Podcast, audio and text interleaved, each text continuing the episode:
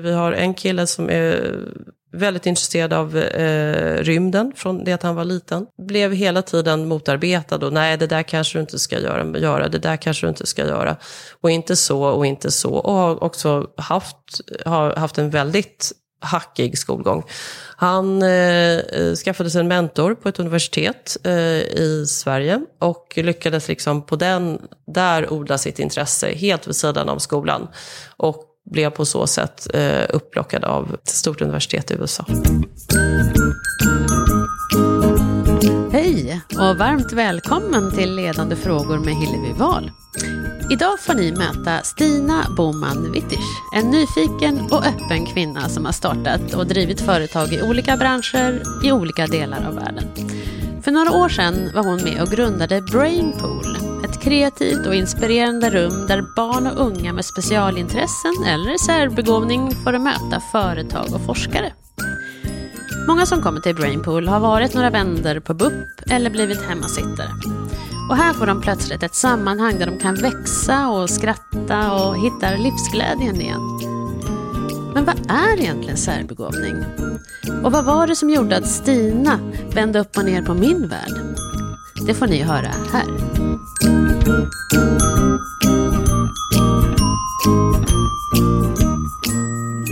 Skandias idéer för livet hade en stor gala kan man säga, där man mm. pratade om olika projekt. Um, och när du berättade om Brainpool, uh, mm. som du har varit med och startat, då var det som att hela min värld vändes upp och ner. Jag förstod plötsligt saker som jag inte hade förstått förut. Mm. Kring särbegåvning. Mm.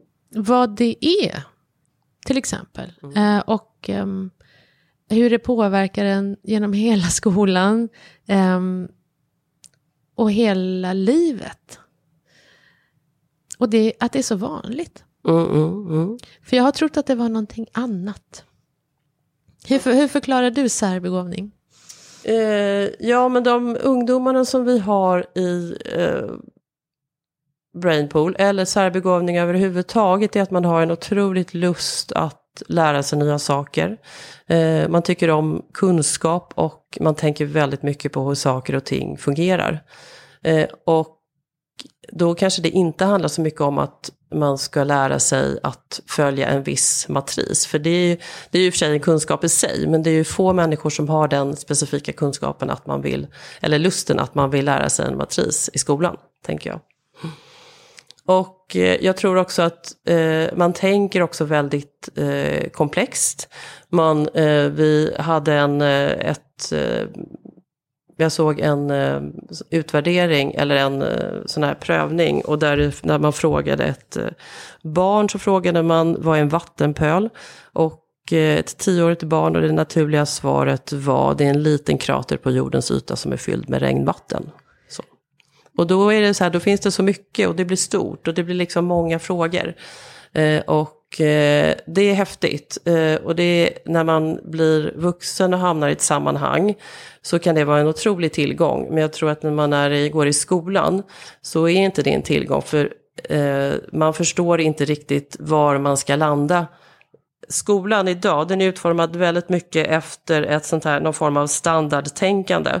Eh, och att alla människor tänker på samma sätt. Men det finns ju människor som tänker på en, hur många olika sätt som helst. Och, eh, särbegåvade tänker väldigt komplext och man har med väldigt många komponenter. Eh, och eh, det är det som gör att skolan för många ungdomar är, eh, särbegåvade ungdomar är problematisk. Eh, och det är svårt och jag kan också titta på exempel här eh, utifrån vår egna familj så skulle jag vilja eh, säga att eh, ett av barnen skulle ha behövt ha material på universitetsnivå redan i högstadiet för att det skulle vara tillräckligt komplext för att det skulle kunna skapa någon eh, förståelse för honom och för att han skulle förstå vad man ska leverera. Ja, för det var, jag kände igen mig så himla mycket i när du berättade om Eh, och jag kollade lite grann på, eh, på nätet också. Och, och, det jag känner igen mig direkt på de, alla de här check... Vad heter det? Checkpoints, vad heter det? Mm, mm. Checklistorna. Mm, checklistorna, mm, precis. Mm. Det var att man lär sig nya saker väldigt snabbt. Mm. Eh, och har stort ordförråd. har mycket gott minne, känslig, blir lätt sårad, eh, intensiv, känslighet för moraliska frågor, är väldigt nyfiken, föredrar äldre kamrater, har många vitt skilda intressen, lärde sig läsa tidigt eller älskar att läsa, um, bryr sig mycket om rättvisa och likabehandling, är observant, tenderar att ifrågasätta auktoriteter. ja, check på den. Um, är bra på siffror och bra på att lägga pussel. Och det finns ju Ja. många fler. Men det var de som jag kände igen mig direkt i själv. Um, och jag tror inte det är så man tänker. När man, man tänker ju bara att det ska vara något matematiskt snille när man säger särbegåvning. I alla fall gjorde jag det. Men det här är ju, jag tror det är många som kan känna igen sig själva. Och de kan känna igen sina barn. Och det är här Brainpool kommer in. Vad, vad, kan inte du berätta lite grann om vad Brainpool är och varför ni startade det? Mm. Vi startade eh, Brainpool, vi är en eh, community för, vi kallar för unga som tycker om att tänka. Eh, som vi kopplar ihop med eh, näringslivet, med akademia och med eh, goda förebilder. Och vi jobbar med hälsa och vi jobbar med lärande.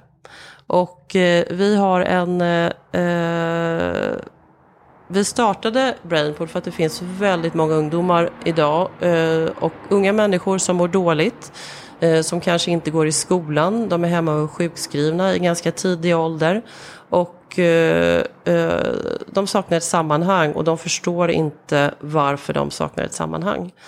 Och vi började, eh, Brainpool började egentligen med att jag tog med våran äldsta son som nog fortfarande fortfarande inte förstår varför man ska gå i skolan.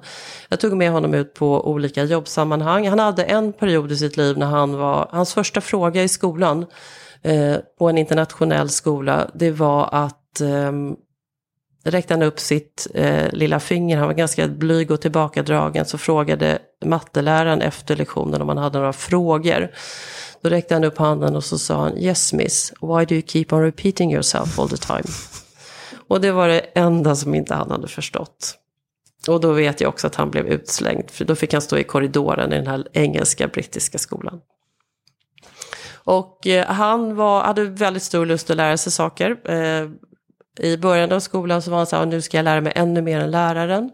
Eh, och, eh, men det här, ja det försvann eh, någonstans ju längre han gick i skolan. Och eh, kreativiteten, lusten att lära, eh, det slocknade liksom den här lilla glöden i ögonen, slocknade. Och eh, fund, låg uppe och funderade mycket, funderade på stora frågor eh, som eh, på nätterna och hur man skulle få USA att minska koldioxidutsläppet. Och eh, andra sådana här, och hade kommit fram till, jag, bara, jag vet hur ekvationen eh, ser ut, men jag har inte alla variablerna än. Så Hur gammal var han eh, då?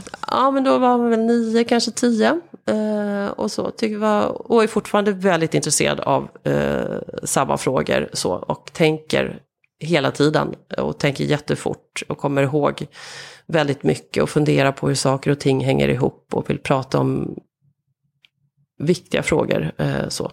Om frågor som betyder någonting. Så, så att eh, nyfiket utforskande. Så. Sen eh, när skolan, ju allt mer, ju längre skolan, eh, ju mer den släckte, ju, eh, så började jag ta med honom ut på olika, eh, han följde med mig i olika jobbsammanhang. Och då glittrade det till i de här ganska dystra ögonen ibland. Och eh, det fanns, han satt och konverserade med oss i, han var, var på en, eh, han var med på en produktionsresa i Brasilien. Och efter fem dagar så pratade han ganska bra eh, portugisiska. Efter att ha mött eh, fabrikerna där och tittat på tvn och där och sådär. Och eh, sen flyttade vi tillbaka till Sverige. Och vi var på, jag tog med honom på Sime, där han fick träffa en ung koreansk kvinna som flydde Nordkorea. Och eh, då glittrade det på riktigt i de här bruna ögonen. Och eh, så sa han så här, tack mamma, sa han, det här var den bästa dagen i mitt liv. Och då tänkte jag så här, och vi har lagt ner eh, otroligt mycket tid, mycket resurser på att eh, han ska ha det bra, och han har det bra. Men nu, då tänkte jag att eh, om jag kan göra det här för honom, då kan jag göra det för flera barn. Och eh, började, eh, kontaktade Mikael Dahlén. Eh, jag träffade en, eh, via Mensas eh, föräldranätverk så träffade jag andra människor som också var intresserade och hade samma tanke. Jag kontaktade Mikael Dahlén och frågade honom om han ville vara med eh, och det ville han på en gång. Så vad vi gör, vi samlas, eh, bjuder in, eh, vi har varje torsdag så har vi någonting som vi kallar för Inspiration Club. Där vi bjuder in eh, goda förebilder som kan ha djup kunskap inom något ämne.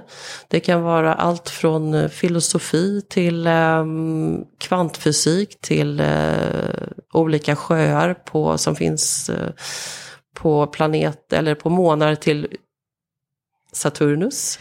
Det kan handla om rysk-kinesiska splitten. Eh, det är en, ja, men vi har en ganska bred blandning av ämnen. Eh, och gärna ämnen som ja, riktigt djup kunskap inom olika områden.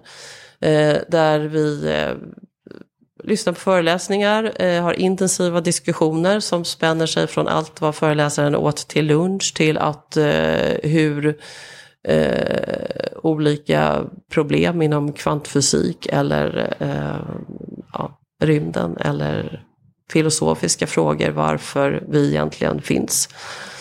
Mm. Och eh, så att eh, vad vi gör, vi använder företags och människors professionellas, deras djupa kunskap och så serverar vi det för ungdomarna och sen eh, uppstår eh, diskussioner och samtal och en gemenskap. Att man får eh, möta andra som också är intresserade av kunskap. Som är intresserade av, det är inte så att alla kan allting. Eh, många som kommer till oss, de är ju, eh, när de vågar komma kan vara rädda för att inte säga tillräckligt eh, smarta saker eller för att man inte kan tillräckligt mycket.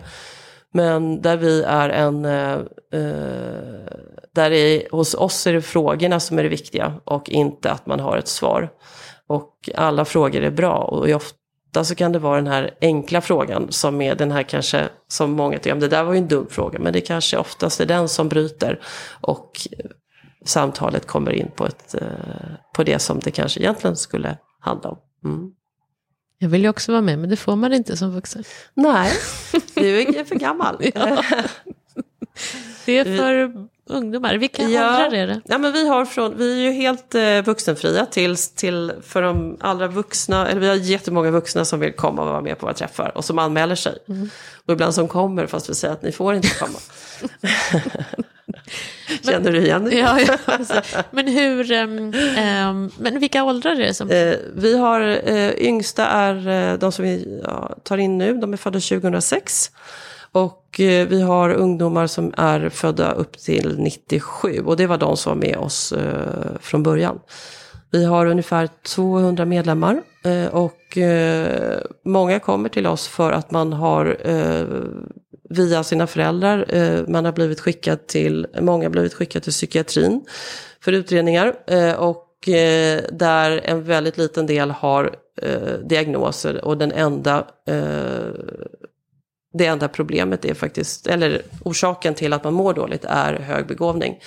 Eh, och att skolan har svårt att hantera människor som tänker annorlunda, tänker på ett nytt sätt, inte vill förhålla sig till skolan och till vad det är man ska lära sig och hur man ska lära sig saker. Man ska lära sig saker samtidigt och man ska presentera det på ett eh, visst sätt. Så. Mm, jag känner igen det där.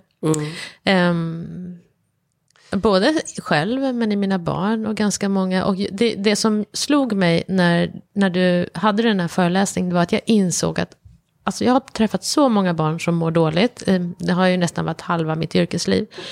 Och när jag började tänka efter så insåg jag att ja, men du 85-90% av dem är särbegåvade. Mm, mm, mm. Och det var så här, oj. Mm.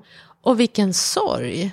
Att alla dessa som jag kan tycka ska rädda världen, ja, ja. att de, att vi släcker lågan i deras mm. ögon. Mm. Ja, det är jättesorgligt och framförallt så är det jag tror att 80 procent av våra medlemmar har varit i kontakt med psykiatrin eller med psykologer. Och det är egentligen först då, om man har tur då, så får man veta att det handlar om hög begåvning. Men det är ju många av våra, eh, jag fick ett eh, tackmejl från en 14-årig tjej som var där första gången och som har, eh, som har legat inlagd i, under stora delar av sitt liv. Eh, och har mått så, så fruktansvärt dåligt. Och eh, eh när hon kom till oss och sa hon tack, så här, ni har inte bara liksom gett mig en fantastisk dag, ni har gett mig ett nytt liv. För nu vet jag att det finns en plats för mig också. Och jag tror att, eh, nej men det där är viktigt, jag tror att dels, det ena problemet är ju skolan. Sen det andra problemet är att vi inte pratar om intellektuell begåvning. Vi pratar ju om, eh, jag ska också säga att alla är välkomna hos oss. Om man tycker om ämnet eh, så är man varmt välkommen. Och om man gillar att hänga med Brainpool och prata om kvantfysik en lördag eftermiddag eller om rymden eller om var livet så, så har vi liksom inga antagningskrav så. Men eh, jag tror att vi behöver det skulle bli så mycket enklare om vi kunde säga att det finns faktiskt människor som lär sig mycket fortare, som älskar kunskap, de gillar att tänka hela tiden. Och då fungerar man på ett annat sätt, lika bra väl som man är bra på att springa eller spela musik eller göra någonting annat. Så. Och det gör jätteotroligt mycket och också den här eh, vi skulle behöva inkludera begåvning i samhället. Sen skulle vi också behöva ta bort jantelagen. Eh, jag träffar jättemånga föräldrar, så du säger så här, ah, ja, jag känner igen mig själv. Men den vanliga reaktionen eh, när jag träffar föräldrar är att de tänker så här, åh det där låter ju spännande. Jag tänker lite på min egen son, fast, eller dotter, fast, ass, men hon eller han är inte, är inte så smart. Och då blir jag så här, men det tänkte om vi bara kunde säga så här, nej, nej, så säger jag så här, men stopp, nej, sluta nu, kan du inte bara säga vad spännande, får han komma och prova och se om han tycker om sammanhanget, eller får hon komma och prova? Eh, och det är 95 procent av alla föräldrar som jag träffar, eh, och när jag pratar om brainpool, så eh, säger på det sättet. Mm. Mm. Mm. Och det här med att skolan är problematisk, det är på flera sätt. Va? Det fick jag lära mig då. Både det här med att vår skola som vi har idag är ju byggd för industrialismen. Mm. Och den är byggd, så att det är samma trappa för alla. Att mm. först börjar man med lite lite. Och sen så när man har lärt sig det så ska man lära sig lite mer och sen så går man upp för någon så här trappsteg. Eh, och det funkar då för, ja, eh, kanske en grupp människor som funkar så. Mm, mm, mm. eh, och jag är inte så säker på att det är alla människor, utan jag skulle tro att det där, det, jag tycker det är så många som faller utanför den där trappan. Men när, när, man då pratar om de här barnen som lär sig väldigt fort i vissa ämnen, mm, inte alla, utan mm. kanske i vissa ämnen, eh, då är det inte bara det att man blir fullständigt uttråkad för att man måste hålla på och repetera allting, utan det är också att man, du berättar, man liksom lär sig från ett annat håll. Mm, man lär sig inte i trappsteg. Mm, som du säger, det är inte förrän jag vet vad jag ska använda kunskapen till som jag Lär mig matte. Mm, mm, mm, för det, jag, jag, känner ingen, vad ska jag lära mig matte för? Nej, nej. Än att tills, men det här ska jag ha det till, då kan jag lära mig. Mm. Och vi, visst är det så att, att, att tar man en särskild begåvning så lär man sig mer ur det stora sammanhanget. Nu vill jag lösa det här världsproblemet. Mm -mm. Och, och vad behöver jag då? Jag kanske behöver lära mig portugisiska eller, mm. eller, eller matte. Eller, mm. att, att man lär sig från ovanifrån och ner. Mm. Har jag rätt nu? Ja, ja, det har du absolut. Och jag tror att det är mycket det som vi gör. Jag tror i och för sig att det är bra för alla människor att förstå varför man gör saker. Och jag håller med om att skolan är utvecklad utifrån industrialismen. Eh, och det som vi gör, vi använder ju när de, när företags problematik sätts i händer på ungdomarna, då ser man, då förstår man, ah, det där, varför ska vi lösa, då får man ett sammanhang. Och det upplever jag att man eh, inte får i skolan. Man lär sig från de här små delarna och så ska man bygga ihop det här hela pusslet. Men våra ungdomar lär sig från det stora hela. Och jag tror att många, många fler ungdomar idag också mår bra för att de har så tillgång till så otroligt mycket kunskap och information. Skulle må jättebra av att få lära sig eh, på ett annat sätt. Jag tror att man kan lära sig mycket mer eh, om utifrån, jag tror man ska lära sig utifrån det som man är intresserad av. Och då kan man lära sig, jag tänker att som, eh, om man är intresserad av att eh, göra videofilmer eller klippa eller vad man nu, eller till och med gaming eller vad som helst. så eh, kan man ju egentligen lära sig alla ämnen eh, i skolan kring ett specifikt eh, intresse. Så att, ehm, eh, ja. Mm. Men det är väl det här att det skulle vara så himla resurskrävande då, tänker jag. Ehm, det är väl där det stupar, eftersom mm. in, alltså industrialismen handlar ju om att vi skulle, skulle få människor att, att sitta i fabriker och mm, göra samma sak eh, på samma sätt. Eh, nu har vi ju inte industrialismen längre. Utan Nej. nu ska, behöver ju egentligen människor som gör på, löser komplexa problem på, på olika sätt. Alltså vi behöver egentligen mer individualister. Mm. Det är egentligen mm. det som är framtiden. Mm. Så det är ju lite märkligt att vi har en sån här industrialistskola fortfarande. Mm. Ja men det är det och jag tror att, eh, jag tror inte att det är, eller jag tror inte att det är mer resurskrävande. Jag tror att det skulle krävas mindre resurser för jag tror att många fler ungdomar skulle må mycket bättre. Eh, och jag tror att man skulle prestera mycket bättre om inte alla skulle prestera samma sak. Sen när man kommer ut i, när vi möter näringslivet, då vill man ha människor som är kreativa, som tänker nytt och som, tänker, eh, som är självständiga så. Men skolan paketerar in hela tiden. Och jag tycker att vi har ju många av våra äldre, eller många, men de äldre medlemmarna eh, som vi har, några exempel därifrån är de som har knappt har avgångsbetyg från svensk skola. De blir eh, upplockade otroligt snabbt av universiteten i USA, bjuds in och forskar där som 15-åringar. Och eh, eh, sen så blir de, eh, får de, blir de inbjudna igen, de får långa, liksom som ett fåtal i världen så får de eh, stipendium för, att, för fulltidsstudier eh, under fyra år. På de absoluta toppuniversiteten. Nej, men det säger någonting om också det svenska skolsystemet för hur vi eh, tar vara på våra, liksom, vad är det vi vill med det egentligen? Vill vi ta vara på våra kompetenser och individer och lyfta dem eller vill vi få alla att producera samma sak? Och som det är nu så, så är det väldigt mycket styrt åt det hållet. Men det finns andra länder där man får vara unik, där man får eh, drivas av sin lust och sin eh, kunskap eh, och att lösa de här stora frågorna. Så att eh, vi behöver lära oss mycket i Sverige och den svenska skolan behöver förändras väldigt, väldigt mycket. Jag måste tillbaka igen. Du säger alltså att vi har ungdomar mm. som knappt har kunnat få godkänt i grundskolan. Mm. Och sen plockas de upp av de här universiteten. Hur går det till då? För man tror ju att om man inte har liksom A i nian så kommer det gå illa. Mm -mm. Så hur har ni lyckats med det då? Eller vad har hänt Ja, men på det är väl ofta sådana som har, liksom, de som lyckas någonstans ta sig igenom. Sådana som är eh, otroligt intresserade. Vi har en kille som är väldigt intresserad av eh, rymden från det att han var liten. Eh, var blev hela tiden motarbetad och nej det där kanske du inte ska göra, göra, det där kanske du inte ska göra. Och inte så och inte så. Och har också haft, har haft en väldigt hackig skolgång. Han eh, eh, skaffade sig en mentor på ett universitet eh, i Sverige och lyckades liksom på den, där odla sitt intresse helt vid sidan av skolan. Och blev på så sätt eh, upplockad av eh, de stora univers ett stort universitet i USA. Så, Helt fantastiskt. Ja, men jag får ja. så här rysningar, mm, mm. ståpäls. Mm. Eh, och det som jag lärde mig nu bara för någon månad sedan var att alltså jag kan ju faktiskt gå in på, och gå kurser på MIT. Mm, mm, mm, alltså det kan man ju idag. Jag kan ju gå in och plocka ämnen som jag bara ja. är sugen på. Så jag, och det kan ju alla göra. Så det finns ju andra vägar att gå för där man kan surfa på barn och ungdomars specialintresse. Eller om, i min ålder, 53 år. Men det är så häftigt ja. att höra. Liksom. Vi kanske ska gå en kurs tillsammans. Jag tänkte vara intresserad av att gå en AI-kurs på MIT. Ja, ja, ska vi göra det? Ja, det gör vi. Ja, det gör vi. Ja, roligt. Ja, har vi bestämt Nej, men det. Sen... Vad roligt. På riktigt. Ja, det gör vi. Ja, jag, är, jag är helt på. Ja. Men, ja. ja. nej, men det, som är, det som är så sorgligt med den typen av... Eh, när, det är ju många av våra ungdomar också som är, eh, har varit sjukskrivna under långa perioder, redan under skolåldern, för att, eh, för, på, på, grund av djupa depressioner. Eh, och så, vi, och det, det skulle ju vara så enkelt, det skulle vara så enkelt att få så många fler att eh, må bra.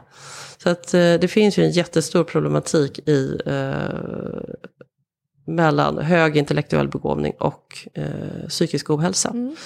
Och där vi ser vad vi gör i Brainpool egentligen, ja men vi, vi ger ju kunskap, vi som är utmanande, vi, man får vuxentid och man får ett sammanhang. Och av de som kommer in hos oss eh, så vi har mätt Eh, verksamheten tillsammans, effekten av vår verksamhet tillsammans med eh, Skandia, Idéer för livet. Där man har satt, sett att eh, 80% av eh, våra medlemmar tycker att eh, vi förbättrar deras psykiska hälsa väldigt, väldigt mycket. Och tio, det, vi, får, vi får fantastiskt bra siffror både på intellektuell utmaning, psykisk hälsa och socialt eh, sammanhang. Och då gör inte vi så mycket. Vi får, och, vi får också eh, väldigt mycket feedback eh, eh fantastisk feedback från ungdomarna, men sen också att eh, tack, jag har lust att leva igen. Mm. Och det gör ju ont eh, i en att eh, ungdomar ska, och människor ska behöva må så dåligt bara på grund av att man är eh, begåvad. Mm. Ja, för det är flera saker där som vi hör. Det ena är ju att man känner sig, man har svårt att hitta en vän mm. i, i, som är som en själv. Det är också det här när vi pratar om, man kan ju skratta åt det, att, man, att vi har ifrågasatt ifrågasatt auktoriteter. Det är liksom mm. nästan det grundläggande i mig tror jag. Um, men det kan ju vara väldigt problematiskt. Uh, för det är ju inte så att alla lärare tycker att det är bra. Snarare tvärtom. Att man, då kan man ju faktiskt nästan i princip bli mobbad av lärare som, um, som inte uppskattar det. Att någon mm. blir ifrågasätter mm. dem. Mm. Det tror jag. Och jag tror att det är där som det oftast, eh, eller en del, ibland så börjar det där att det blir problematiskt, man ifrågasätter. Och det var just en sån här som kanske också bara är en nyfiken fråga där, why do you keep on repeating yourself all the time? Eh, det är ju en otroligt provocerande fråga, men det var ju en nyfiken fråga. Eh, menat som nyfiket, för att det var det enda som inte han förstod. Så att eh, ehm, så att jag tror, lärare, eller överhuvudtaget så, så behöver eh, lärare och eh, många människor inkludera särbegåvning i sin, eh, sitt förhållningssätt eller i sitt och tänka. Och egentligen, alltså, ja, jag vet inte, jag tänker att det, ja, man behöver inkludera särbegåvning eh, och, man behöver utbildas eh, och förstå att det finns människor som tänker på ett annorlunda sätt. Men jag tänker också att om alla människor kan få vara, vi kan ha större tillåtelse för att alla är unika på något sätt. Så skulle vi egentligen inte behöva prata om särbegåvning eller om diagnoser eller om färg på huden. Eh, det är ju någonstans det här optimala tillståndet. Och att man förstår vilken enorm resurs barn och ungdomar är. Mm i klassrummet. Mm. För du säger, tror jag, att det är 5 procent. Mm, stämmer. Mm. Och då har vi minst en i varje klassrum. Mm. Eller hur? Ja, det har vi. Så att... Eh, eh, mm. För då skulle man ju, tänker jag, plocka fram den. Vad säger du? Vad tycker du? Alltså på riktigt, alltså fråga, man plockar fram de här barnen på samma sätt som man kan plocka fram alla barn. Mm, mm. Att man, för många gånger handlar, blir det ju så att de blir väldigt tysta. Mm, och mm. sitter tysta mm. i flera år. Så det är väl antingen det, antingen så blir man, blir, det är många som blir introverta, tysta, och säger ingenting. Eh, eller så blir man utåtagerande och eh, stör och stökar och så. Mm. Och eh, jag tycker att det handlar jättemycket om att lyfta alla människor, alla individer. Eh, lyfta fram de som inte, vi pratade mycket om det, att vi har hos oss eh, problem på när man kommer in. Eh, så det första man får veta är att man deltar på sitt sätt. Vill man sitta tyst och lyssna så går det bra. Vill man eh, delta i diskussionerna så är man välkommen. Vill man hänga med andra så kan man göra det. Eller vill man eh, bara hålla sig för sig själv så går det bra så. Och där har vi egentligen, vi har en regel och det är att man ska ge alla lika mycket utrymme som man vill, eh, som man vill ha själv. Ibland så kan det bli väldigt många frågor och det är väl egentligen det problemet som vi, eh, som vi har. För att alla är så intresserade av olika saker ur olika perspektiv. Så, så att eh, de, man kan, diskussionerna kan ju pågå i evighet om man inte eh, bryter dem. Men jag tror att det är viktigt, eller det är jätteviktigt och eh, det fungerar eh, av någon anledning väldigt, väldigt bra. Eh, en del ungdomar kommer in och tar plats på en gång, andra kan sitta tysta under ett års tid, säger ingenting och sen så helt plötsligt från en dag till en annan så är det så har man liksom funnit sin plats. Så, så att, eh, eh, ja, det är en eh, ja, otroligt här, skö, härlig miljö att vara i. Det är, och ger väldigt, väldigt mycket de här perspektiven, de uppriktiga frågorna, eh, det nyfikna. Och jag tänker, har fått lära mig att tänka om och tänka nytt. Och bryta väldigt många traditionella eh, tankesätt eller beteenden som man har eller saker som man gör på rutin. Och jag har också lärt mig att förstå att, nej men någonstans att bemöta människor på det sättet som de är. Inte att, det är ju mycket så att i samhället eller på en arbetsplats eller ett företag så förväntar man sig att alla ska vara lika. Och man ska bete sig på ett visst sätt. Eh, man ska, eh, och där har jag fått lära mig att, eh, eller har, har jag lärt mig att, eh, att se, att tycka att eh, ja, men det är okej med alla människor, att alla är olika. Eh, och vissa gör Vissa är korta i tonen, vissa pratar mer. Jag tar inte, jag funderar sällan över om att någon kan svara lite kort och, eh, vilket jag förut hade gjort, så jag tänkte, men, ah, sa jag något fel eller var det någonting som var konstigt eller så, utan jag tänker att alla bidrar på sitt sätt och sen får man, eh, och det tror jag nog att det är den eh, viktigaste eh, lärdomen och också att jag tillåter mig själv, jag tillåter mig själv att släppa tankarna fria. Eh, jag låter liksom tankarna flöda med på något sätt och så ser man var man landar. Och det är härligt. Mm. Vilken härlig chans. Det är som att de öppnar upp de där dörrarna som kanske stängdes en gång. Ja, det är så. Dörrarna öppnas och det är fantastiskt. Och en annan förmåga som de, många vänder och vrider väldigt logiskt på saker och ting. Och tar upp olika perspektiv som kanske inte alltid, som, nej, som inte är politiskt korrekta. Eh, och eh, det har jag också fått lära mig att det är bra att ta upp frågor eh, som kan handla om vi pratade om, jo, en, en, som ett exempel så pratade vi om, eh, så höll, höll vi på att utveckla en idé om en eh, klimatapp, en, en som en tripadvisor för klimatet. Och då tog man upp idéer i olika grupper och då så var det någon så här, ja vi börjar med en kostrejk, vi skjuter alla kor. Så. Och det kan ju vara... Ja, eller hur? Det är ju ganska så här... Drastiskt. Hör, ja, drastiskt så. Eller vet du vad vi gör? Vi sätter upp ett kärnkraft, en kärnkraftsreaktor i alla, i alla eh, städer istället. Så. Men, eh, och där, jag tror att, eh, och det kommer vi ju aldrig att göra, men jag tror att om man lyfter upp olika perspektiv så kan man landa i någonting, då vet man lite mer hur helheten ser ut. Och så kan man välja det som man tycker som, som passar bra i sammanhanget. Så. Men att, um, mm, det är spännande. Det ja, fantastiskt. Ger, Vilket kreativt rum. Men, och det här finns i Stockholm. Mm. Har du kommit någon annanstans? Än? Ja, vi har börjat i Stockholm. Mm. Eh, och vi har, så vad vi har, vi har varje torsdag av aktiviteter. Vi har tre lördagar eh, varje eh, under hösten och våren. Där folk reser in från hela Sverige. Och vi har, eh, sen har vi börjat i Ungdomar Malmö. också då reser in från hela Sverige? Ja, precis. Mm. Ja. Mm. Och vi har ju folk som eh, reser in från eh, hela Sverige till våra torsdagsträffar. Folk som flyger eller liksom åker tåg från, eller åker båt från Gotland varje vecka. så. Och det är långa resvägar. Mm. Så det visar ju också på behovet av, att vår, av vår organisation och vilken skillnad vi gör för de ungdomarna. Och mm, vi har, eh, så att vi Malmö och Göteborg har vi börjat eh, lite grann i så. Mm. Kan också vara att de kommer från de där chokladkakorna. Så. Ja, eller hur. Ja. Hos oss får man göra precis vad man vill. Vi, vi håller bara i det intellektuella innehållet och ett sammanhang. Ja. Och sen får man äta hur mycket kakor man vill. Eller hur mycket choklad som man vill. Och det är ju inte heller riktigt korrekt. Kristina för att typ du vågar tänka nytt och tänka tvärtom. Älskar de där chokladkakorna. Ett stort tack till alla er som har lyssnat på podden. Och om ni gillade det här avsnittet så får ni jättegärna dela vidare. Jag vill så gärna att fler ungdomar ska hitta livsglädjen och inspirationen och vara med och förändra framtiden.